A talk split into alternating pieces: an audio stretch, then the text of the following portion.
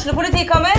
Ine Jansen er purk. Er du purk? The motherfucking bitch. Alt jeg vil, er å finne ut hva som skjedde med mannen min. Jon Carew. Er jeg sikta for noe? Iben Akeli. Det er du. Ole So, Lars Berrum og Big Daddy Karsten. Hvem sin side er du på, egentlig? Anette Hoff, Tone Danielsen, Kommer du fra Afrika?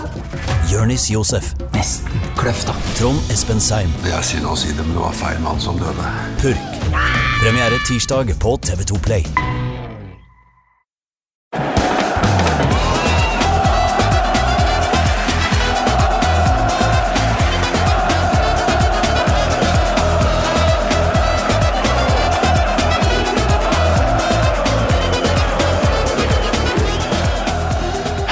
And welcome to another edition of our English language series called Parla Inglese, in which me, the usually Norwegian speaking host, Morten Gallosen, talk to several usually quite strange people from around the world interested in, you know, not necessarily the European Super League, but something quite different. And uh, with me today, I have. Um, creator or uh, runner of at least a Twitter handle, Zorya Londonsk, uh, Andrew Todos. Welcome to the show.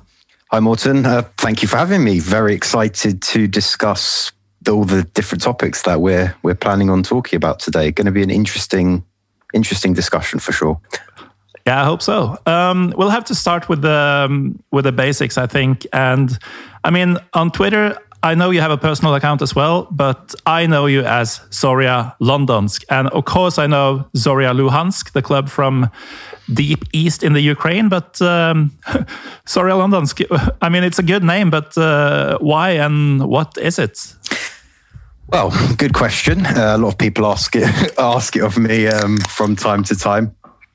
Uh, well, usually what what happened was I after I finished university, I decided that I wanted to take my passion for Ukrainian football that I just casually followed into something a bit more of a I wouldn't say professional, but a more sort of structured approach that uh, I could share news with, etc. Because there wasn't really any, you know, stable outlet for news, etc., or like even coverage of Ukrainian football in languages other than Ukrainian and Russian.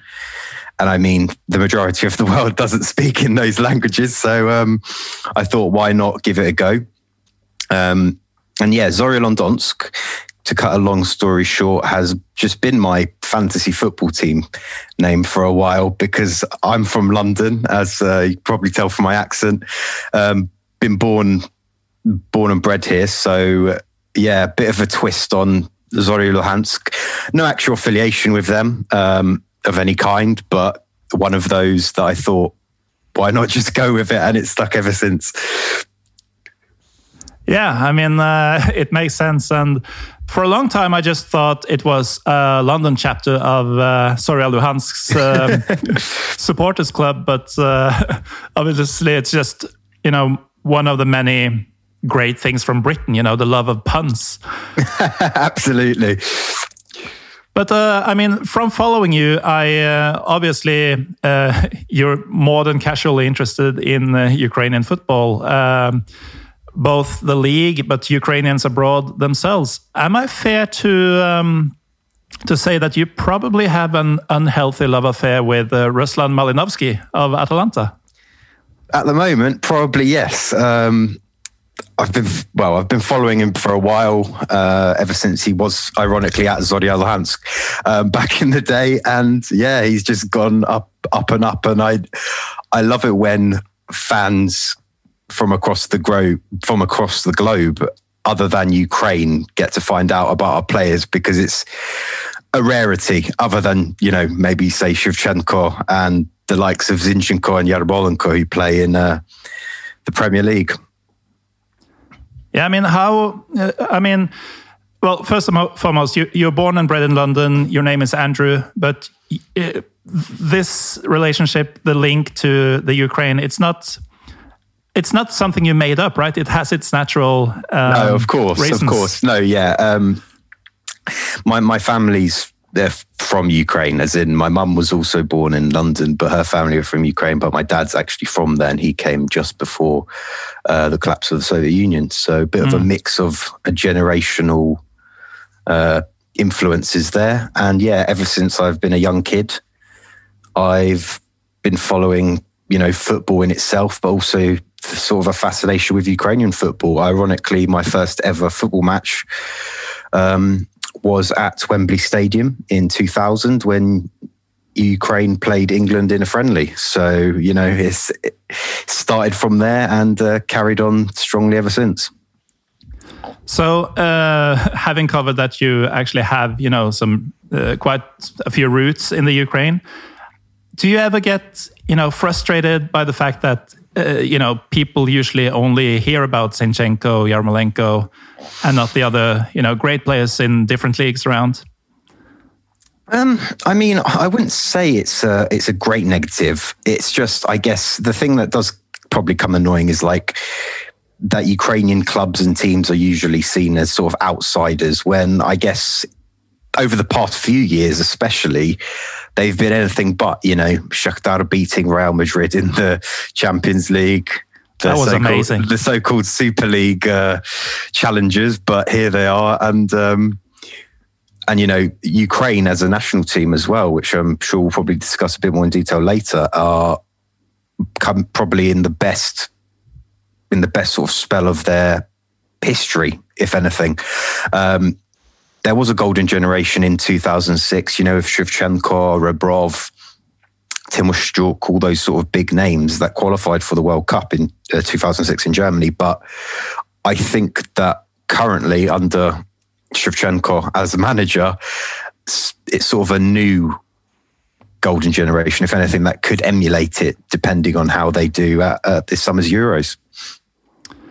Yeah, I mean, um, they they look kind of kind of sexy, and we will. You're right. We will discuss this further later on. But just to round off the introduction of you, I mean, uh, obviously you follow uh, Ukrainian football closely. You're a journalist.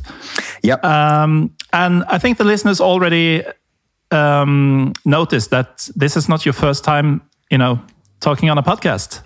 Absolutely not. So, in addition to my social medias, um, that I run, as you've kindly already mentioned. Uh, I also do run a podcast uh, co-hosted alongside um, two of my uh, other friends, and it's called the UKRFUT24 podcast. And yeah, we do regular episodes about Ukrainian football in English on a whole range of topics. We get loads of different um, interviewees on to come on to, you know, chat footballers, uh, managers, and yeah, just uh, see what's going on. If anyone wants to know more about that, then uh, happy to ask them to listen.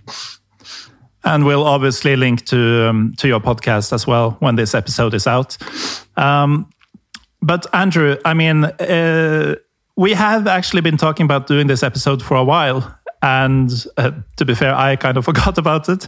But uh, it's still no um, it's no coincidence that we decide to do it now because some big things happened last weekend. And uh, this old geezer, Mircea Lucescu, he's done it again. Yep. Um, well, as as as you've said, he's he's won another title, but I'm sure anyone who knows anything about Ukrainian football, maybe over the past 20 years, would probably associate Mircea Lucescu with Shakhtar.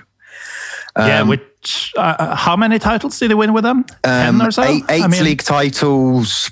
Uh, list here: six cups, seven Super yeah. Cups, if you count those. Some people do. I'm skeptical about them, but and the UEFA Cup. So uh, a Shakhtar Donetsk legendary manager, probably the most successful manager in the history, etc., etc. And obviously, well, he left the club in 2016 and had some sort of, you know, his usual controversies that as he does um, in between then, before returning to Ukraine last summer, where he took the helm of arch rivals, Dynamo Kiev. And I mean, when the news broke in Ukraine at the time, uh, people thought that this was some sort of joke, uh, some sort of dream, a nightmare for the ultras. Um, but yeah, um, not pe- not many people were too confident about it, especially because you, Dynamo have been quite a decline over the past few years since that he had Rebrov left uh, in 2017, and you know they've they've won the league basically. Uh, to put a long story short, it's um, mm. it's been a bit of a marathon. Uh, but they are 13 points clear at sort of time of recording with three games to go. So they're home and dry for their 16th uh, independent Ukrainian title. Yeah, I think um, if I remember my stats correctly, this is the 29th title, league title overall, and the 16th in um, in the Ukraine. Yeah. Um, I mean that, that uh, simple uh, head count uh, means that they won 13 titles in the Soviet Union, not coming from Moscow. Exactly. I mean, that speaks volumes about the magnitude of this club, which, as you said earlier, uh, Ukrainian clubs are usually seen as outsiders in Europe, etc. But these are huge, huge clubs, and uh, especially Dynamo, I guess, uh, historically. Yeah, absolutely. Um, like you said, during the Soviet Union, they probably were, if not the, the well, the most successful um, side there, and many a Soviet Union side um, had you know majority, not even Dynamo Kiev players, but like Ukraine, Ukrainian based players um, that made up the majority of the starting lineup, and even the late great Valery Lobanovsky, who managed them many a time, and also Ukraine once they became independent. Yeah. Uh, but back to Lucescu because like you said, he he is probably the legend of Shakhtar Donetsk. And uh, when he took over Dynamo Kiev last summer, I mean, first of all, he was 74, 75 years old. Uh, should be. I mean, people talk about Mourinho as a dinosaur. uh, and, um, you know, no one was happy about it. Shakhtar felt stabbed in the back. And the Dynamo fans, they just didn't want him. And it seems to me like I've been reading about this the entire season, no matter how successful he's been, it's always been, you know, you're not one of us. And wasn't he shouting at some fans just recently? um, yes. So, uh, yeah, long story short, that is not how he's not there's been no change in sort of his in the approach of the ultras so i guess we should differentiate obviously the ultras are as everyone knows um, the sort of devout fans that do all the away games and everything, etc. And then there's also, let's say, just the the regular fans. Let's just put it at that. I don't I don't know how mm. else to sort of describe just um, regular fans who I think have been a lot more welcoming to him. Uh, I think they oh, yeah? accepted him on the whole um, because results have gone their way, and they're like, fair enough. Uh, sort of accepted, you know, all these memes where he's wearing a towel on his head during games and sort of this sort of stuff. Um, however, as as you as we've already spoken about, those ultras have remained devout in their own beliefs, and if anything, it's nothing to do with the actual sporting uh, principles or results. Nothing to mm. do hmm. with anything on the pitch. Um, and that was sort of made clear from the very off when he first joined and ironically left after four days because of the initial ultra um, reaction and then came back after he was persuaded by the owners. So yeah, I mean the ultras in in their sort of uh, in their ways, uh, the main issue for them is that in the past he has uh, when he went when he when he left uh, Shakhtar, so that was uh, in 2016. So already the the war with Russia was a good two two years down the line. He mm. um, ended up going to Zenit um, in St. Petersburg, and there was a, I think there was a a press conference or something like that where he said that Russians and Ukrainians are basically the same to me or something like that. and you know that was never going to go down well and especially these days i mean yeah exactly uh, amidst the climate and the context that a lot of you know Dynamo ultras as well have been to the front line mm. and all this sort of other stuff also during his time at Shakhtar. He, you know, he's he's a very partisan guy when he's actually in his in his respective clubs. He spoke mm. ill of the club. He spoke ill of the club Dynamo, as in he also spoke ill of the ultras in the past. Um, he spoke ill of Lobanovsky, as we've uh, to we alluded to earlier, and he said something like that he is better than Lobanovsky um, due to like all the titles he's won and that sort of thing. So obviously, which I think he actually has since uh, apologized for for that comment, but. I mean, how, how do you survive in Ukrainian football after a comment like that? exactly. That's why um, it's still it's all this sort of like a, a, limbo world that this is even a reality. Um, no one would have thought that this was even possible. I guess even a year ago, before he actually ended up joining.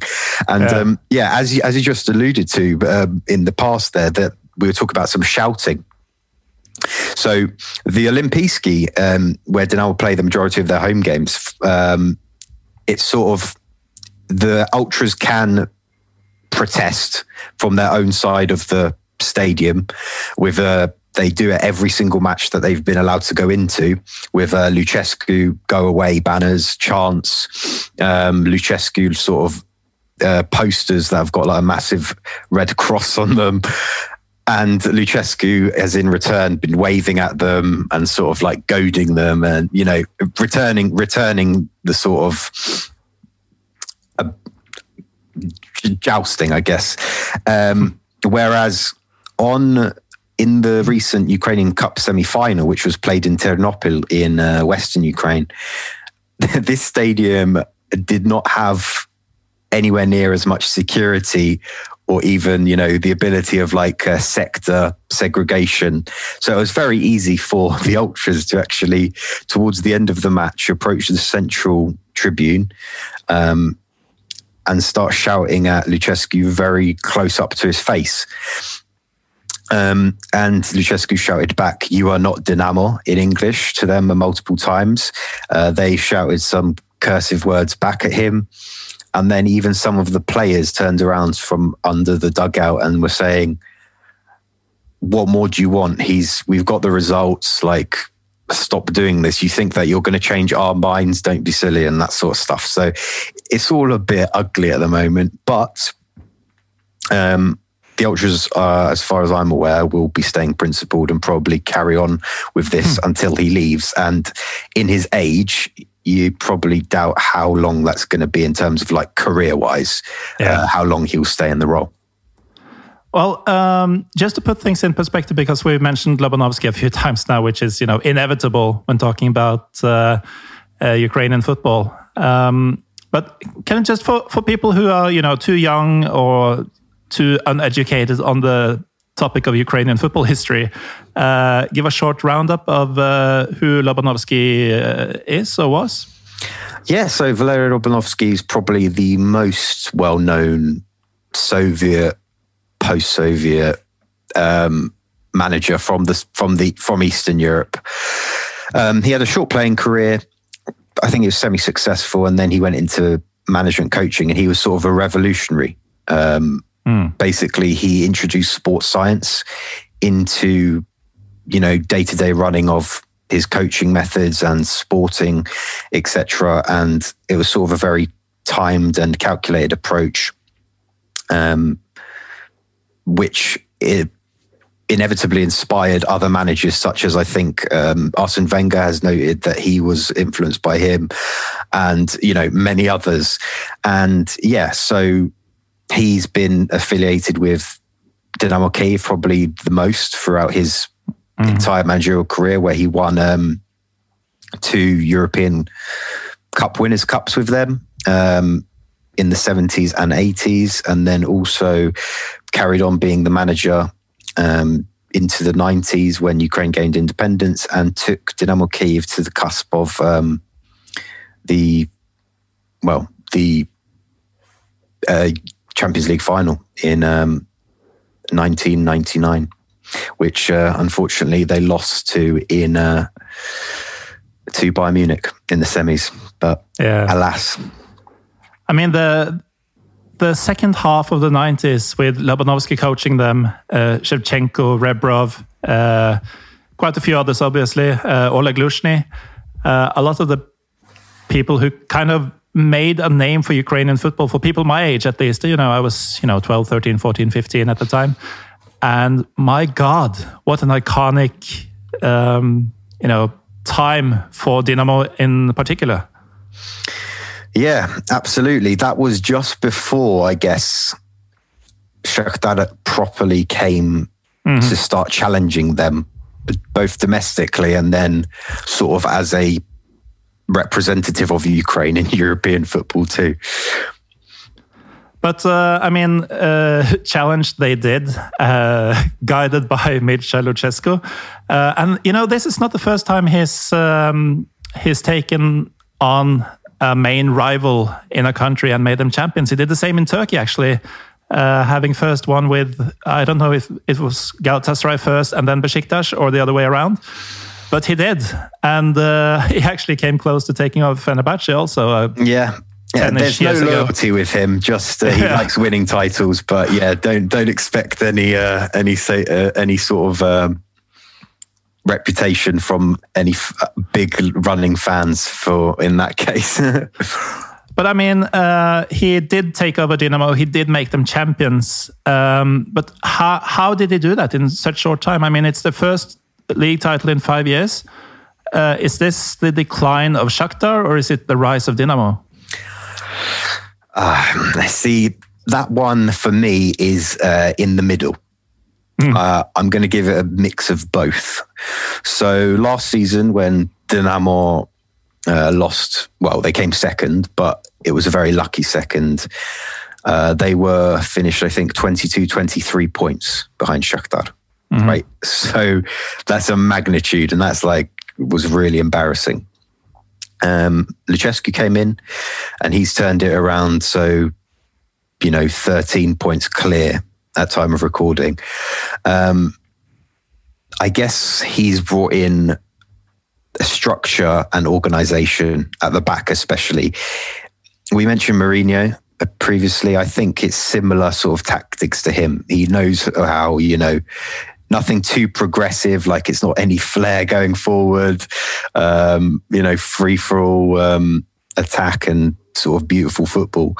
But they get the job done against all the sort of lower sides. That was sort of the main key. Last year, Dynamo was, and in previous seasons, they were dropping points against the lower clubs, which in the UPL, you really can't afford to when you've got someone like Shakhtar behind your back. And in conjunction with beating those big sides, uh, beating those smaller sides, um, they ended up beating Shakhtar once uh, in the league out of two attempts, um, which is enough for uh, an ironic Lucescu comment that he made a few years ago that if uh, you don't beat Shakhtar or your main rivals in the league at least once in a season, you're cardboard champions. Um, but so he did that this year. Uh, but yeah, th- there's been a decline at Shakhtar as well.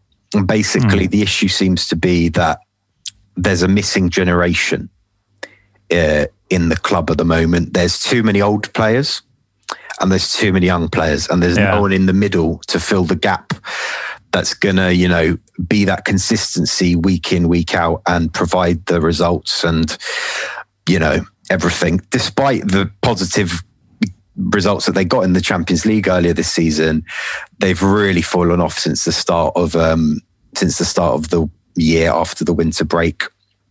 And yeah, it looks like a lot of their biggest, well, more well known stars that people have known of them for the past few years are probably being phased out, faded out. Uh, Junior Moraes, uh, he's out for six months now and we'll miss uh, the Euros. Missing the Euros, yeah. For, the, for Ukraine. Um, Taison has left um, through big controversy, but also through an emotional uh, goodbye after almost 11 years in Ukraine. So, end of an era there. And then, yeah, Marlos too. He's really sort of dried up this season. Um, mm. But yeah, so essentially, many believe that the current manager, Luis Castro, will be will leave in the summer and being linked with uh, Sassuolo's De Zerbi to come in to replace him, but who knows what's going to happen come the summer. But a big overhaul I think is definitely needed and probably will come in some shape or another. If they do a big overhaul, will they still be true to this uh, mixing Ukrainians with Brazilians uh, mostly kind of tactic? It's difficult to tell, um, especially with the fact that, you know, they've been going for these Portuguese managers in recent years to facilitate that Brazilian connection. However, I don't think that overall their you know scouting strategy is going to change much. I think they're still out looking for these young Brazilian talents, and mm. that but it probably might be supplemented this time because of the necessity with more ready to go players you know 24 25 year olds rather than 18 year old brazilians. And maybe they might look closer to home somewhere in europe mm. for those players. Speaking of closer to home i mean uh, for uh, i guess quite a few people listening uh, ukrainian football is limited to you know dynamo kiev shakhtar donetsk maybe zorya. Um, I know Metalist did some spells in Europe uh, quite a few years ago. They haven't really been in existence, uh, but seem to be in a way back, if albeit maybe a bastardized one. I don't know. But um, which other clubs are worth looking at um, in the Ukraine right now? Well, I'll go straight towards the Metalist rebirth project. I guess is probably the most exciting one that anyone's looking at uh, at the moment, that, and that's they're currently called FC Metal. Um, it's what happened to Metalist, the original oh, Metalist? So, uh, yeah, so Metalist, the original. Um, was ended up being bought by a pro Yanukovych, who was the former Ukrainian president. Um, crony, one of his sort of close friends, off of the previous very passionate owner, Yaroslavsky. And he sort of fled the country after the Euromaidan in 2014, stopped funding the club. The club went into big mm. debts, bankruptcy, and folded in 2016. You know, a country of all, well, a club that almost had about 90 plus years of history just gone like that. Um, but yeah, as I've already mentioned, they're on the rise and they're expected to be back in the Ukrainian Premier League come 2022 23 season, um, as long as they get back to back promotions from the Ukrainian third tier, which they're currently on the course for winning that league this season as FC Metal. Um, then they got the first league to win, and then they'll go through. But they've already brought in quite a few experienced players that have played in the Premier League, Ukrainian Premier League, um, played even in uh, there's a Lyon, Lille, and um, Monaco player called Baluli that um, a lot of French people, French listeners might have heard of. He's tearing it up uh, down there as well. And you can probably expect a few more Brazilians, Argentinians probably to be fed through as well before that ha- before the return to the actual big time. And uh, the owner. Uh, Yaroslavsky, as I've already mentioned, he's still currently serving a apparently 10 year agreement away from football, which he signed oh. with that crony guy I don't know what terms of this is and how he's still keeping to them. It's all, you know, nobody knows under under what's under the actual circumstances.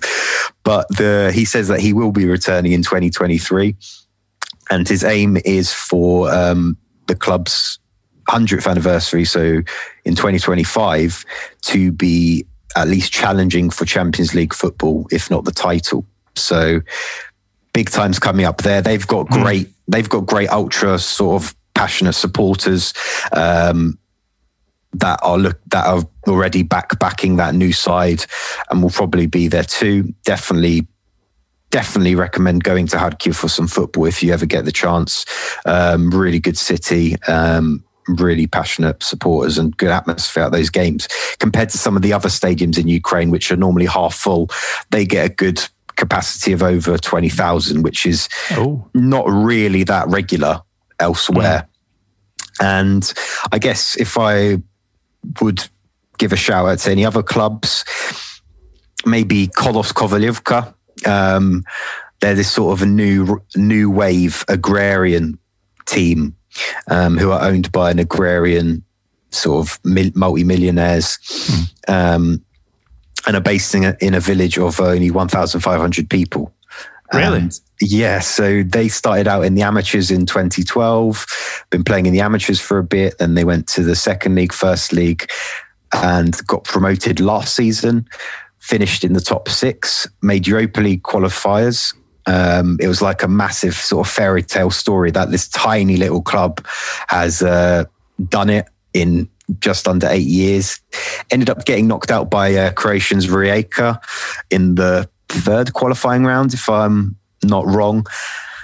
But yeah, they're also challenging for the Conference League this season. So, you know, watch out for them. And they've also had a few controversies with alcohol related um, issues uh, with some of their players, players. on on on, tra- on trains and uh, on their training camps in Turkey. But all a bit of hearsay at the moment, so I won't go too deep into that.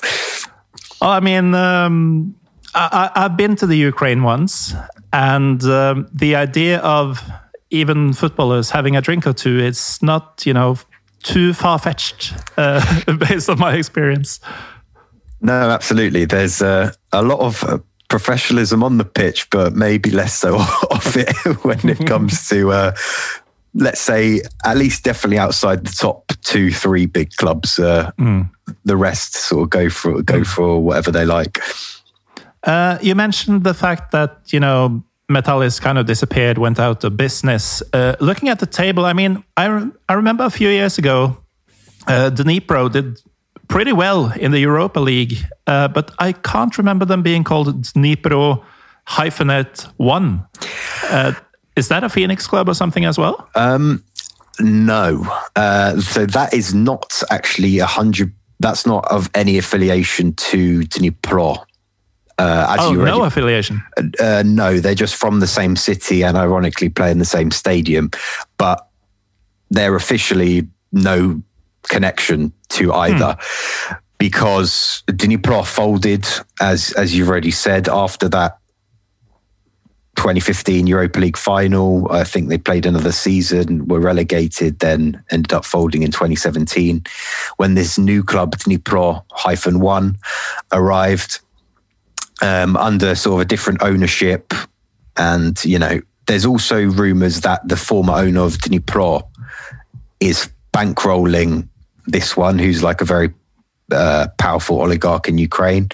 But there's nothing official on any sort of papers or documents for that yet. Um, there's been rumors of many a times that Dnipro one might end up getting the old badge of Dnipro and that sort of stuff. But as of right now, there's no official connection other than the fact that they are from the same city and the and the same sort of uh, and playing the same stadium. They've had similar players as well. They've kept on. It's all a bit of a it's all a bit of a mess. But the ultras, if we put it in in that perspective again, um, yeah, they definitely don't see this as any sort of continuation of their previous Right. side. Well, I think we made it quite clear that you know it is a bit messy football in Ukraine, as is uh, I suppose society in general, uh, especially the last seven eight years. Um, and I just want to say to the listeners that you can uh, some of the things we talked about uh, you can read about in certain books. Uh, Jonathan Wilson has an excellent one called Behind the Curtain, where he uh, writes a lot about Lobanovsky and his impact on um, Ukrainian football. And more recently, uh, my um, guest last year, James Montague, he came out with the 1312 Among the Ultras, in which he is actually among the not only ultras, but the hooligans of uh, Dynamo Kiev, uh, particularly. Have you read that uh, book yet? Yes, uh, I have absolutely. Um, and yeah, great read. I'd re- I'd also recommend it, and it's a good insight into not just Dynamo Kiev but also um, Zorya Ultras in that book, where it discusses sort of their displacement from eastern Ukraine following the war of Russia and sort of how they've continued to support their club despite the fact that maybe they haven't had the funding uh, the same as maybe Shakhtar has Yeah. who come from a very similar area and from a similar situation. I mean, he just does a great job in that book. Uh, uh, you know, making the lines clear between football and society in general um, in recent times in the Ukraine. Uh, speaking of recent times, not only in the Ukraine but uh, around the world, we're still um, in a pandemic, Andrew, and um, I mean, football.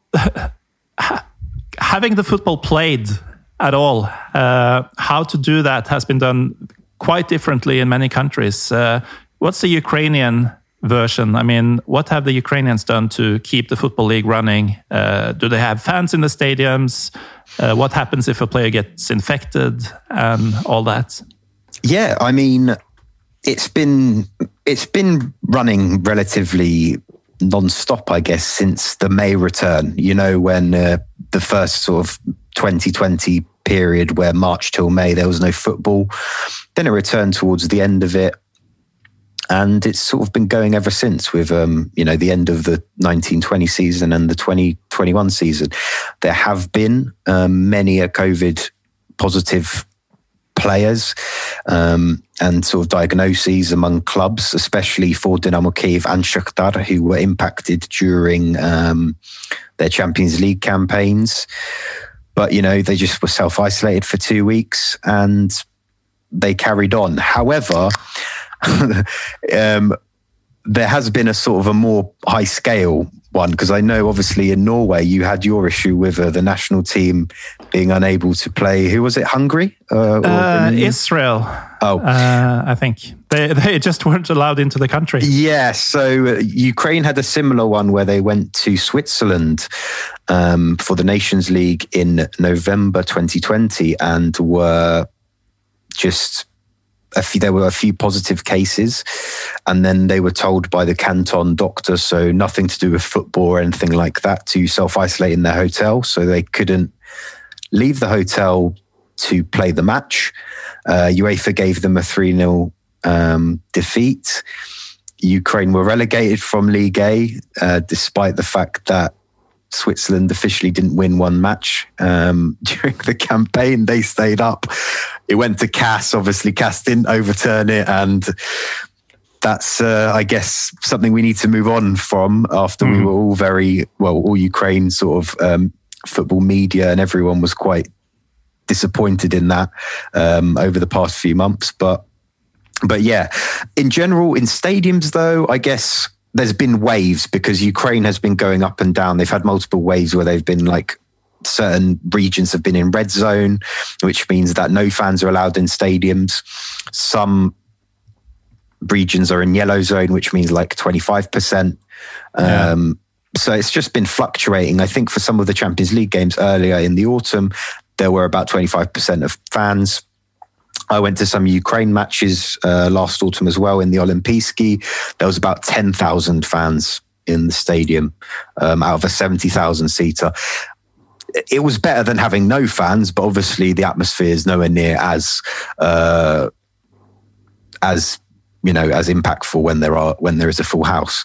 And I mean, that semi final that we spoke about in uh, Ternopil, um, where Lucescu got very close and personal with the Ultras, that one was quite a, quite a bad sort of incident where I think that was about a 15,000 seater stadium. It was only meant to have 25,000, but due to sort of sec- lack security and that sort of stuff, from people that I've heard that were there, they said that it was probably closer to about eight to 10,000 people there. they said they haven't experienced that sort of atmosphere at a match since, you know, two years ago. So they enjoyed it whilst also taking into account the sort of this potential medical, medical implications and that sort of stuff. And obviously there's a lot of people that aren't catering to those rules anyway with, you know, masks, social distancing, etc., etc. So, I think it will probably return to reality at some point, but as far as I'm aware, Ukraine's uh, vaccine rate isn't too good and maybe one of the worst in Europe. So when normality returns to football stadiums there, I cannot give you a concrete answer there at all. So we'll uh, put a pin in that. But uh, I, um, I just want to say that uh, I've actually been to the Ukraine once, and my plan was to see Dynamo against Shakhtar in the Olympiski. And um, this was in February 2014, uh, which was not a great time for football in the Ukraine. Um, not really the best time for society in the Ukraine, for keeping control of borders of the Ukraine. Um, people who don't know what I'm talking about should read more about the Ukraine. But uh, obviously, uh, the match was called off. It was not happening. Uh, what did happen instead, and we just learned this, uh, me and my uh, mate, from visiting the Dynamo Museum in the Olympic Stadium, uh, where they told us that tomorrow the ultras of both teams will play each other in this stadium instead of you know the actual match being played. So we went. Uh, I'm guessing it was about 500 people there, and uh, I mean the football was. I've seen some shit football in my life, but I mean the players aren't usually you know fat booze hounds from the pub or you know football hooligans who know more about martial arts than you know curling a ball.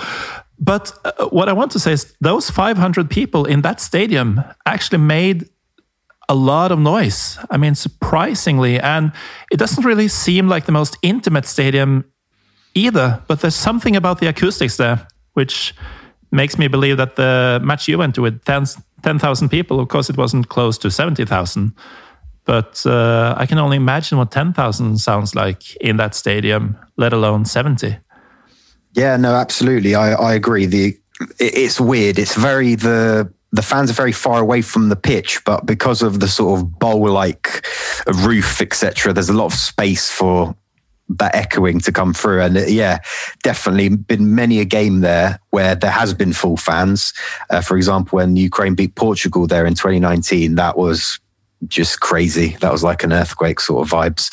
Um, but yeah, I definitely recommend for anyone who hasn't visited uh, Kiev before to try and mm. get to a game there when you when it's possible to. Absolutely. And uh, I mean, if people go to the Ukraine uh, for a you know long weekend or something, they will probably end up in Kiev unless they have some you know sinister plans of I'm. I, I heard what Andrew said on Pyro Pivo, and I will go to you know Kharkiv to watch Metalist. But if if they stay in Kiev, which most people will do, uh, I mean, apart from watching the football, um, what is you know the must sees, the must do's, the must eats, the must drinks um, if you're a first timer in the Ukraine? I guess there's plenty. Um, a lot of people that you know hear about Ukraine are like, well, what the hell? Why would I go there? Uh, former Soviet Union, going to be grey, boring. Complete opposite. Um, oh yeah, very affordable, especially for Western Europeans um, or anywhere else for that matter. It's one of probably one of the most affordable capital cities uh, in in all of Europe. Um, very high quality restaurants for what it's worth. You know, compared to the likes of Prague, where everything's very much uh, a tourist trap or something like that. Ukraine has yet to and Kiev in particular has yet to fall into that category. Um, so, I mean, I don't even have any really restaurants to recommend. Maybe Canapa on uh, St Andrew's Descent. That's quite a nice one. And um, well, there's, if there's it's few, not a particular nice restaurant, um, what kind of dishes or oh, what? Yeah, well, the, well, obviously borscht. Um, mm. For anyone who uh, bit of beetroot soup, you have to um, try for that because Ukraine's actually currently trying to get um, UNESCO a UNESCO sort of significant certification for that to be Ukraine's own dish. Mm. So we'll see what happens from there. Um, also, there's uh, Vareniki, which are like pierogies for any sort of Polish listeners. Um, and yeah, definitely try the horilka. Um, basically, like vodka, but um, a, a, bit stronger. and uh, you know, always ends ends in a good night. Going to many of the many bars that are in the the city centre and around the city. Uh, yeah, there are some good bars there. I had uh, I'm not going to go into detail, but uh, maybe after we're done recording, Andrew, uh, I had one of my most memorable uh, nights out in my life, uh, which I also don't remember most of. Uh, but you can definitely have quite a bit of fun uh, with Uk Ukrainian drinks and Yeah. Ukrainian people in Ukrainian bars. Yeah, and if Uh, anything, I'd probably just add it's when you come to Kiev, it's very much spontaneous um, sort of enjoyment. Like you won't expect what actually ends up happening in the in in the evening, etc. You know, if Yeah, you end up going to these bars, it's just complete random, but it's a story to tell for for sure. Yeah, I mean that pretty much sums up the parts that I do remember from that night. Um, but uh, moving on, I mean, now we're talking about Ukraine as a country, so I guess that's a good uh, bridge over to the Euros and the national team, which we promised we would talk a bit uh, more about because um, despite being relegated in the Nations League, um, the national team looks pretty good now, and they qualified for the Euros. Um, what is your expectations for? I mean, we're assuming that Euros are actually happening. Uh, what's your expectations for the team? Well, um, if we're going to put it in context, Euro 2016 for Ukraine, which there is the last major tournament they qualified for, they finished bottom of their group, uh, which had Germany, um, Northern Ireland, and Poland in. They scored zero goals and got zero points. So anything in, on, an- on an improvement from that embarrassment, probably the most embarrassing sort of uh, period of Ukrainian uh, footballing history in terms of the national team being concerned. Um, yeah, I guess there are high hopes for Shevchenko's men. He, he's currently the manager. He's been doing a good job. Had a great uh, Euro qualifying campaign where they finished top of their group. That surprised many people. Where they, um, you know, finished above Ronaldo's um, Portugal and um, you know Serbia as well, who are renowned European f- force as well. And you know, there's been a, a year delay since obviously the momentum of playing. Well, we're expecting to play in 2020 now. It's 2021. However, I think personally, um, from what I saw, because I went to see every single qualification match of that campaign, that I think maybe the fact that it's been carried over a year has been maybe even a blessing because, as we've already mentioned, they played in that Nations League campaign in League A. So they played against top quality opposition against Germany twice, against Spain, beat Spain in one of those games. So it was a good experience for them. And they've also got a recently a draw against France at the Stade de France following um, in the World Cup qualifiers. So all good stuff really in terms of helping them in playing against elite sides, which is what's going to happen this summer. And, you know, as I mentioned pre- previously um, at the very start of the pod, this there's sort of this inclination that this could be a new golden generation. No superstars is how I always explain it, but there's all the cogs for the machine to work correctly. Um, so everyone sort of pushes their weight. Um, there's no one, there's no like one player that is relied upon throughout. And I think there's sort of positive emotions that hopefully Ukraine can at least make the quarterfinals. Um, would be a sort of a positive ending, I guess, to this period um, under you know, which has been a long journey under Shevchenko since he became the manager after that failed Euro 26 campaign. And which players would be key to actually making that quarterfinal happening? Well, of course, we've already alluded to Malinovsky. He'll probably Oh, be. yeah. I'll, I'll call him. I'll call him the key man because you know he's the man in form at the moment. If he can carry that on into the Euros, he'll be the one creating things, scoring goals, among other among other things. However, there's also obviously Alexander Zinchenko that everyone knows about, but whereas for Man City he plays as a left back for Ukraine, he's very much a central midfielder, where he sort of I probably think he's a bit more catered to um, the position because he can get forward, basically box to box. Um, he's had some good experience under Pep, who has helped him um, you know, develop as a as a defender, and sort of it's helped his all round game go. And he's in a great form this season, so that's helpful. And probably the last player that I want to highlight is centre forward, um, Roman Yaremchuk, who's been having a very good season at uh, Ghent in Belgium, being linked with a whole host of clubs uh, this summer Arsenal, Wolves, Sporting Lisbon, Roma, just a complete random uh, sort of um, selection there.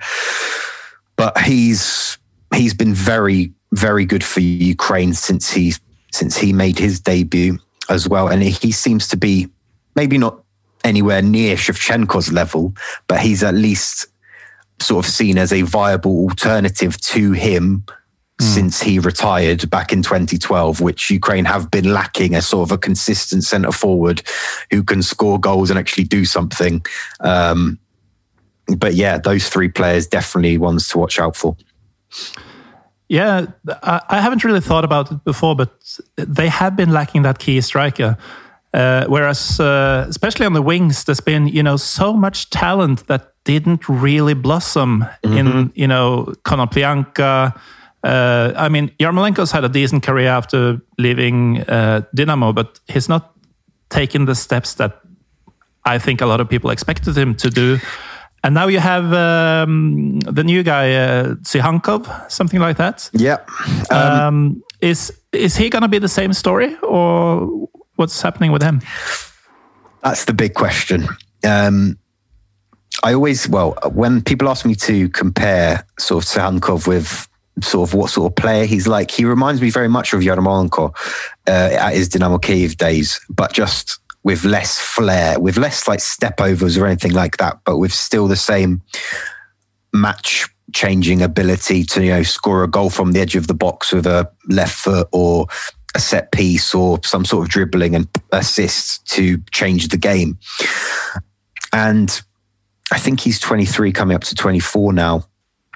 It's everyone thinks it's high time for him to make the move to a top 5 league and see what he can make for himself because if there isn't a better example than Yarmolenko, who left too late, probably, like you said, he's had an okay career outside, but it's been marred by injury. Um, at Borussia Dortmund and at West Ham, he's just really not had the luck to take him through and probably be as key as he definitely could have been in the sort of small glimpses we've seen of him. Where he's going to end up, I don't know, Tsygankov, um, but I just hope that he can show himself at the Euros this summer, and then hopefully he might have some takers. The only issue is, is that Ihor Surkis, who is the owner at Dynamo Kiev, is very sort of frugal and shrewd and doesn't like selling his players. And if he doesn't have to, he won't, regardless of what people offer him, or he'll probably offer ask for something ridiculous. So time will tell this summer, but it, I think this this one coming up is a big one for a lot of these Ukrainian players that are these young sort of up and coming talents. You know, those Dynamo Kiev youngsters and Shakhtar as well. If they don't move this summer, it's difficult to tell when they ever will. Right. So, um, Andrew, we, have uh, reached the end of the talking points that uh, we agreed on, and we've gone beyond them uh, on a couple of times uh, as well. Uh, I have one final question for you that you're not prepared for, but being a you know native English speaker, I hope you can shed some light on something that I've been wondering uh, for the past probably 20 years. Why do we say the Ukraine? Well, I'm gonna. Well, we'll do the caveat here. Um, we shouldn't, and no one should say it. It's uh, not allowed in well in contemporary speak in terms of uh, the reason that it's called the Ukraine was during the Soviet Union.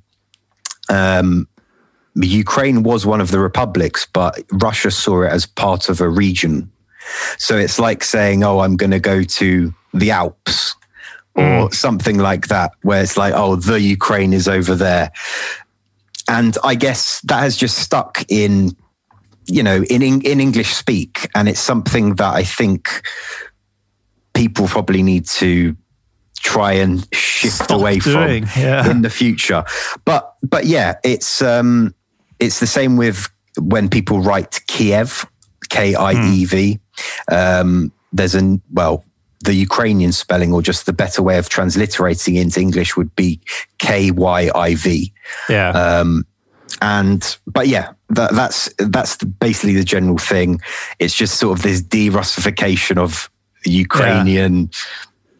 Uh, I, I think there was a big, yeah. you know, a huge awareness about that probably, uh, I'm guessing 15, 20 years ago, when suddenly all the players that I had come to know as, you know, uh, Oleg Gusev, Yeah. uh, on, that famous uh, Dynamo side. Now he was, uh, you know, Ole uh, Husev or something like that. No, that, that that's an issue though. That's um, something that continues to this day because it's very linguistical, and we could be here all day for me explaining to it. Well, but, let's. Um,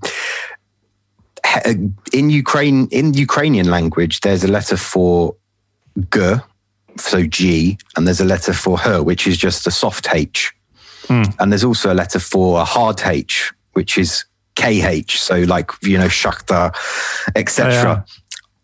And in Russian, which obviously is a very regularly used language in Ukraine due to the legacy of the empires, etc., that have been in the past. I mean, that, that, to, to the extent that when I uh, asked someone in a bar in Kiev, how do you say, uh, I think I asked, how do you say cheers in your language? And they would say, you know, the Russian word, which I knew. And I said, uh, oh, is it the same as in Russian? And they were so surprised when I said your language, and that I meant Ukrainian. Yes, it's a paradox. It is a paradox. There's a massive uh, historical legacy, which I think is still going to take a couple of generations to get over. Um, but yeah, like, like I said, there's there's a letter g in in Russian, which is only a g, and there's no like soft h. So, and in Ukrainian, so for example, like we mentioned, Sahankov, you can say it with a h, like Sahankov, or you can say Tsigankov, but Tsigankov is the Russian way of saying it, for example.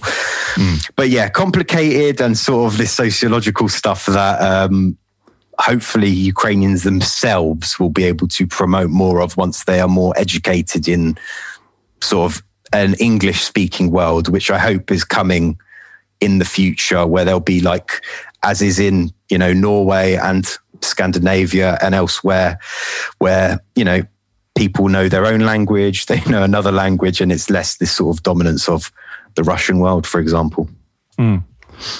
All right, Andrew, I think uh, by, by going into the linguistic corner, that we've pretty much talked about uh, most things I can think of when talking about the Ukraine. But I mean, when talking about Ukraine, Thank you. uh, but is there something that you feel like you haven't, uh, something you feel that you need to share with the world that we haven't already said? Or, or are we good I- to call it a night? I mean, this has been very comprehensive. I wasn't expecting the uh, the tourism questions or the uh, linguistic questions, but a pleasant surprise, if anything. You know, anything to maybe help educate or just enlighten people that don't know much about Ukraine outside of the fact that it used to be part of the Soviet Union.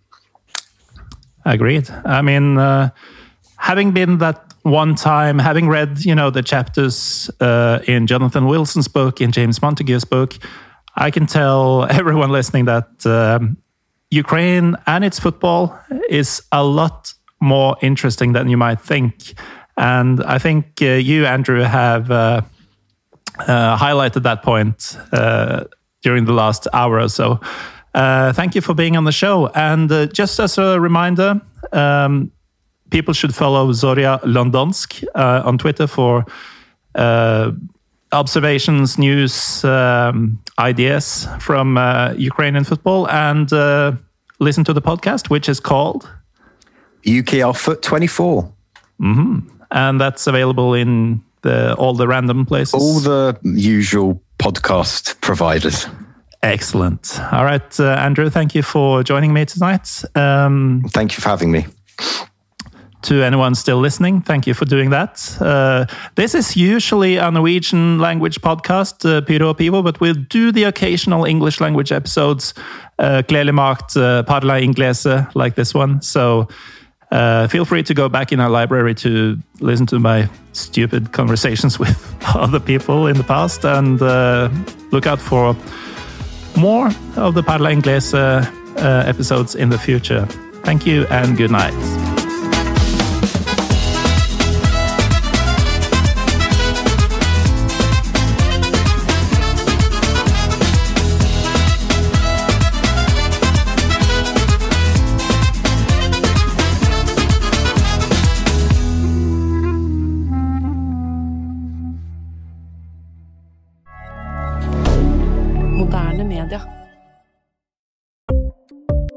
Ukens annonsør er HelloFresh. HelloFresh er verdens ledende matkasseleverandør og kan være redningen i en travel hverdag. Mange av oss har nok vandret i butikken både sultne og uten en plan for middagen, som ender med at vi går for de samme kjedelige rettene gang på gang. Middag burde være dagens høydepunkt. Som HelloFresh kan du nå velge mellom 25 ulike retter hver eneste uke, eller få HelloFresh til å sette sammen menyen for deg. Dette gir deg muligheten til å prøve nye og spennende retter alene eller sammen med familien. Du velger antall porsjoner og får alt levert på døren på et tidspunkt som passer for deg. Oppskriftene er enkle, og maten er lett å lage både for store og for små. Ved å få alt levert hjem får du også mer tid til å dele matgleden med familie og venner. Kanskje det frister med asiatiske tacos eller greskinspirert kylling? Da kan jeg anbefale deg om å gå inn på hellofresh.no. Her kan du bruke koden FOTBALL og få opptil 1779 kroner i rabatt på de første fem matkastene hvis du ikke har prøvd HelloFresh tidligere. Du kan også bruke rabatten hvis du har vært kunde og stoppet abonnementet ditt for tolv måneder siden eller lengre. Gå inn på hellofresh.no og bruk koden FOTBALL. Har du et enkeltpersonforetak eller en liten bedrift? Da er du sikkert lei av å høre meg snakke om hvor enkelt det er med kvitteringer og bilag i fiken, så vi eh, gir oss her, vi. Fordi vi liker enkelt. Fiken superenkelt regnskap.